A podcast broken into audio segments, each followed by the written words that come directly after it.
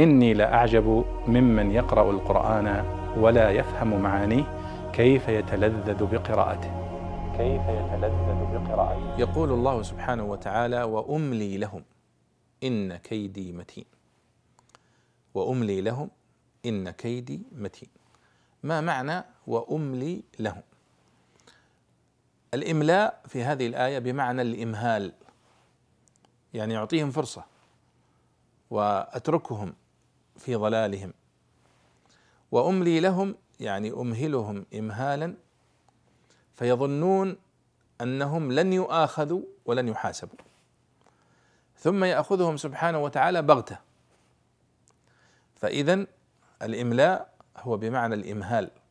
والله سبحانه وتعالى يقول ويتهدد هؤلاء الكافرين وأملي لهم يعني أمهلهم وأتركهم في غيهم وفي ضلالهم إن كيدي متين.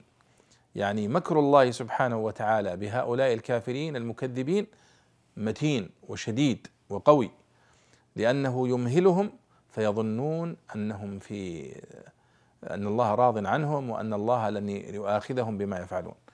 حتى إذا غفلوا ونسوا أمر الله سبحانه وتعالى أخذهم سبحانه وتعالى بغتة وعلى حين غفلة.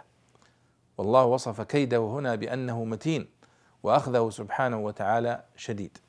فاذا معنى قوله وأملي لهم أي أمهلهم امهالا على سبيل الخديعة لهم والمكر بهم والكيد لهم حتى إذا أخذهم أخذهم اخذا شديدا والعياذ بالله.